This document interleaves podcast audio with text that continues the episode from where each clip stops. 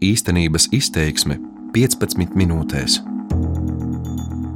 Neatkarības karš 1919. gads. Stāsta vēsturnieks Jānis Šiliņš. Pirms simts gadiem, 1919. gada 22. maijā, Vācu baltiešu, latviešu un krievu apvienotie spēki atbrīvoja Rīgu no komunistiem, kuri Latvijas galvaspilsētā bija pavadījuši 4,5 mēnešus. 22. maija - Rīgas atbrīvošana. Rīgas atbrīvošana bija viena no savu laiku spīdošākajām militārajām operācijām. Tās rezultātā sabruka padomju Latvija un uz 20 gadiem tika likvidēta Latvijas komunistiskās attīstības alternatīva. Lielākā daļa sarkanarmiešu atkāpšanās laikā dezertēja. Arī komunistiskās partijas biedru lielākā daļa kaut kur nozuda, bet Pēters Tučka vadītās padomju valdības komisāri ātri vilcienā steidzās uz Rēzekni, lai pēc tam dotos tālāk uz Krieviju.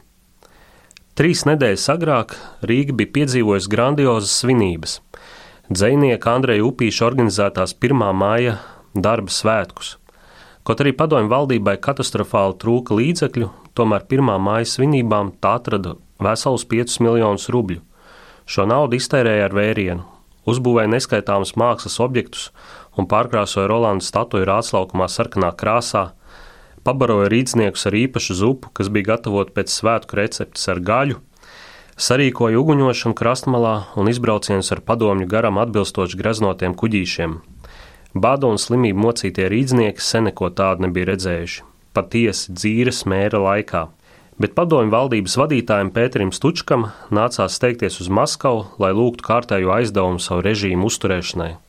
Šis brauciens gan nebija veiksmīgs. Cerēto 200 miljonu rubļu vietā viņam piešķīra vien 50 miljonus. Un tieši Maskavā Stučka uzzināja par Rīgas zaudēšanu 1919. gada 22. maijā. Viņa vietnieks, sarkanā terora organizators un faktiskais padomju Latvijas armijas vadītājs Jūlijs Daniševskis tikai vakarā sadūšojās piezvanīt uz Maskavu un pavēstīt, ka Rīga ir zaudēta. Stučka sākumā negribēja ticēt, acīm redzot, domājis, ka tas ir kāds slikts joks, un nolika klausuli. Daniševskim nācās zvanīt otrais, lai pārliecinātu sirmo latviešu komunistu līderi, ka sarkanā Rīga tik tiešām ir kritusi. Tam noticēt bija grūti, un ne tikai Stučkam. Līdz pat 30. gadiem agrākais padomju valdības vadītājs un viņa sekotāji daudzos rakstos, diskusijās un virtuves sarunās mēģināja saprast, kā kaut kas tāds varēja notikt. Varanā padomju Latvija un tās armija bija sabrukusi vienā acu mirklī. Tā bija izrādījusies esam milzis uz māla kājām. Pretlielnieciskie spēki uzbrukumam Rīgai bija gatavojušies divus mēnešus. Marta vidū viņi bija izšķīrušies par labu uzbrukumam Jālgavai, nevis Rīgai. Sāk labāk zīle rokā, nevis mednis kokā. 18. martā Jālgava bija ieņemta, un šis fakts izraisīja Rīgā īstu paniku. Komunisti, padomju darbinieki, miliči un karavīri bēga no galvaspilsētas. Noliktavas un uzņēmums steigā evakuēja. Padomju valdība apsvēra Rīgas atstāšanu atkāpjoties uz Latgali. Tomēr tālākais pretlielniecisko spēku uzbrukums nesakoja. To komandieris, Vācijas ģenerālis Rīdegers Fondergolds, nevēlējās patriekt no Rīgas stučku, lai viņa vietā sēstos Ulmanis.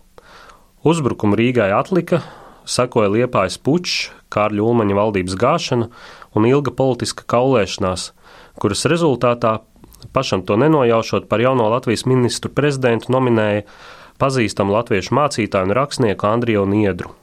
Niedra šajā brīdī mēģināja šķērsot fronti, brienot un maldoties pa tīreļpurvu Rīgas pievārtē. No purva gan viņš sekmīgi izkļuva, bet kļūst par valdības galvu sāka vest duksnājā visu Latviju. Viņa galvenais solījums bija panākt Rīgas atbrīvošanu no lieliniekiem. Niedra apgalvoja, ka tas esot vienīgais motīvs, kādēļ viņš uzņēmies vāciešu sastiķētās valdības vadīšanu. Pēc Rīgas atbrīvošanas gan izrādījās, ka mācītājs nav bijis līdz galam godīgs, un ātri no pašaizliedzīga varoņa, kurš pilda vēsturisku misiju, kļuva par nīstu nodevēju. Rīgas atbrīvošana neapšaubām bija vēsturisks uzdevums, un ne tikai Latvijas, bet arī Baltijas un pat Eiropas mērogā. To apzinājās arī Lielbritānijas, Francijas un Amerikas Savienoto Valstu pārstāvji. To ļoti labi saprata arī Ulmanis, atrodoties izolācijā uz Tvaikoņa Sarāto Liepājas reidā. Amerikāņi apsolīja dot bada mocītiem rīzniekiem pārtiku, nosūtot labības vilcienu no Liepājas uz Rīgu vēl pirms pavēles par uzbrukumu sākumu. Ulmanis turpināja formālas sarunas ar Niedru par kompromisu valdības izveidošanu. Niedra no apcietinājuma atbrīvoja vairākus arestētos latviešu virsniekus un politiķus. Latviešu karavīru komandieris pulkvedis Jānis Balodis un Krievu pavēlnieks Kņass Anatols Līvens atteicās iesaistīties politikā, viss tika pakārtots kopīga mērķa sasniegšanai Rīgas atbrīvošanai. 1919. gada maijā frontes līnijas stiepās no Rīgas jūras līča uz dienvidiem, gar Lielupi līdz Jelgavai un tālāk līdz Bauskai. Rīga atradās 40 km attālumā. Tā laika armijām šāda attāluma pārvarēšanai parasti bija nepieciešams divas dienas, taču šī gadījumā Uzbrucējiem vēl bija jāpārvar purvs un jāšķērso Daugava, cīnoties ar skaitliski līdzvērtīgu pretinieku. Pretlielniecisko spēku rīcībā nebija arī tehnisko līdzekļu, lai forsētu tik platu upi. Tātad, lai ieņemtu Rīgu, neskarti bija jāsagrāb tilti pār Daugavu. Savukārt, lai komunisti Rīgā nepaspētu izreikināties ar simtiem saņemto ķilnieku, kurus turēja galvaspilsētas cietumos, tilti bija jāņem dažu stundu laikā, Šāds uzdevums, ņemot vērā tā laika kara vešanas paņēmienu, šķita gandrīz neīstenojams, un tā sekmīga realizācija bija gluži vai brīnums. Uzbrucēju spēki tika koncentrēti trijās kolonnās. Ziemeļos cauri jūrmalai bija jāuzbruk pirmajai latviešu atsevišķai brigādei, tālāk dienvidos no Kalnciema placdarma pa īsāko ceļu uz Rīgu uzbruka jaukta, Vācu, Baltiešu, Latviešu un Krievu kolonna, kur komandēja pulkvedis Jānis Balodis – Trešā kolona, kuru vadīja Landesvēra komandieris Alfrēds Flečers, uzbruka pa sarežģītāko un riskantāko maršrutu taisni cauri tīreļpurvam. Arī šajā kolonnā ietilpa vairākas latviešu apakšvienības.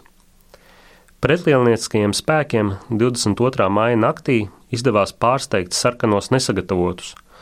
Padomju štābi ātri pazaudēja vadības grožus, bet slikti apģērbtie, apmācītie un apbruņotie karavīri neizrādīja sevišķu deksmi cīnīties, steigšus atkāpjoties vai padodoties gūstā. Pulkvedis Jānis Balodis atceras. Uzbrukums attīstījās strauji. Pretestība sākumā nebija visai liela, un mēs to ātri salauzām. Grūtāk klājās tām mūsu daļām, kas uzsāka virzīšanos gar jūru un lielu upes kreiso krastu pa vasarnīcu rajonu.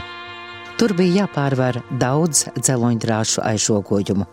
Daudzās vietās pretinieks izrādījis sīvu pretošanos. Sevišķi sekmīgi attīstījās uzbrukums cauri tīreļpurvam, un jau pulksten vienos dienā Vācu Baltu zemesargu avangards sasniedza Zasulauka Šampētera rajonu. Divu kilometru attālumā no Torņkalna avangardu panāca triecienu nodaļas komandieris barons Hans von Mantēfels kurš uzņēmās priekšgrupas vadību un steidzās uz Lībekas, jeb koka tiltu pāri Daugavai, kas atrodas aptuveni mūsdienu akmens tilta vietā. Pēc pusstundas Landesvēra nelielie spēki sasniedz tiltu, kur sadūrās ar padomju karaskolas kursantiem, kuri tik tikko bija uznākuši uz Lībekas tilta, lai dotos palīgā pārdaugavas aizstāvjiem. Kursantus izklīdināja ložmetēju uguns, daudzi no viņiem krita. Pēc tilta šķērsošanas, kas prasīja pirmos kritušos, neliela zemesarga vienība steidzās uz guberņas jeb citadeles cietumu, lai atbrīvotu tur ieslodzītos ķilniekus. Apšaudē netālu no cietuma gan krita Hans von Mantēfelis, bet ieslodzītos izdevās atbrīvot. Bēdīgāks liktenis gaidīja centrāla cietumā ieslodzītos. Uzzinot par uzbrukumu Rīgai, komunisti izdina 32 ķilniekus, kuru vidū bija ievērojami vācu baltu mācītāji, cietuma pagalmā, kur tos ar durkļiem un granātām nogalināja. Niknas ielu kaujas Rīgas centrā turpinājās līdz vēlai pēcpusdienai. Rīgā atradās tūkstošiem miliču un bruņotu strādnieku, no kuriem daļa iesaistījās pilsētas aizsardzībā. Šīs vāji apmācītās un slikti vadītās vienības cieta ārkārtīgi smagus zaudējumus. Viņu vidū bija arī daudz sieviešu, tautā tā dēvēto plintnieču, komunistes Almas Pesas atmiņas par notikumiem 22. maijā. Mēs slēpdamies aiz tilta margām šāvām pretīm, lēni atkāpdamies. Kad bijām jau atkāpušies līdz Zirnavielai, tad notika apšaudīšanās. Ienaidnieki aiz pieminekļa slēpdamies šāva uz mums, bet mēs slēpdamies aiz dzirnavu un Aleksandra ielas stūriem, šāvām uz katru, kas pabāza galvu. Noteikti nezinu, vai kādam trāpījām, tomēr, kad izšāvu pēdējo šāvienu, viena galva tā kā vēlās sāņus. Gribējās labi paskatīties, te uzreiz jūtu sitienu plecā, gar blūzīt jau sāk līt asins traumīte. Mani tūlīt noģērba un kaut kā sāka nosēt. Tomēr asins pēļķi palika uz trotuāra. Mani sāka ratīt drudzis, zops uz zobu nestāvēja, mani ievietoja sarkanā krusta vagonu koikā. Manu karabīnu gribēja kaut kur aiznest, bet es to noliku sev blakus. Ļoti cietu ne tik daudz fiziski, kā morāli. Žēl bija Rīgas. Mocīja neziņa, kas noticis un notiek ar visiem manējiem un citiem biedriem. Gribējās raudāt, bet revolucionāram taču neklājas raudāt. Tomēr ne visi strādnieki bija tik apzinīgi. Iela kauju laikā uz sarkanajiem no māju logiem šāva un pat meta uz komunistu galvām puķu podus. Vēlāk, pēc otrā pasaules kara, padomju propaganda minēja vairākus cīņās nogalinātos varoņus, Viņu vidū bija arī Nikolais Alens, padomju Latvijas darba komisāra vietnieks. Tiesa gan aculiecinieki zināja stāstīt, ka šis ievērojamais padomju funkcionārs gājis bojā, kad mēģinājis bēgt no darba komisariāta ēkas ar dārgu persiešu tepiķi padusē, un uz viņu no kādas mājas stūra raidītā lode viņu nogalināja. Rīgas atbrīvotāju rokās krita ne tikai šis Nikolai Alena tepiķis, bet arī padomju Latvijas valsts kase, un Tautas bankas līdzekļi, milzīgi pārtikas krājumi, dzelzceļa ritošais sastāvs un vairāki tūkstoši kara gūstekņu. Cīņas Rīgas nomalē turpinājās līdz 23. maija rītam, kad pēdējās sarkano vienības atkāpās uz jūglu. Vienlaikus Rīgā no otras puses ienāca pulkveža Jāņa Baloža komandētās latviešu brigādes vienības, kuras nakti bija pavadījušas Latvijas galvaspilsētas pievārtē. Pulkvedis Jānis Balodis savās atmiņās raksta. 23. maijā pulkstēna 11. no rīta arī mūsu latviešu daļas iegāja Rīgā, nesagaidījušas solīto majora Flečera pavēli.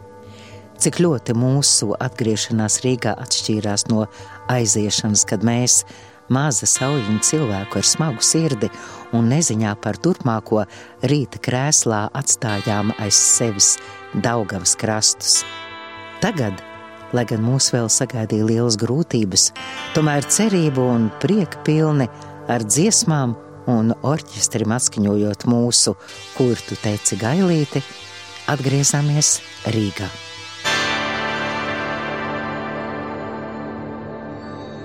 Vēlāk pulkvedis Balodis vainoja Alfredu Flečeru, ka viņš nesot ļāvis latviešiem ienākt Rīgā jau 22. maijā. Tomēr šāds apvainojums nebija gluži pamatots. Baložu brigāde pa kalnciem šosei uzbruka lēni, daudz lēnāk nekā tās dienvidu kaimiņš cauri tīreļpurvam. Laikā, kad Vācu Baltiešu avangards šķērsoja Lībekas tiltu, baložu spēki bija nonākuši tikai līdz piņķiem, kur iesaistījās smagā kaujā ar pirmo padomu Latvijas armijas strelnieku pulku, kas bija viens no spēcīgākajiem sarkano pulkiem. Baloži izklīdinātajiem spēkiem vēl bija jāapvienojas un jāsadz Rīga no ziemeļiem, novēršot draudošos pretuzbrukumus no Daugaugrīvas un Bolderājas puses.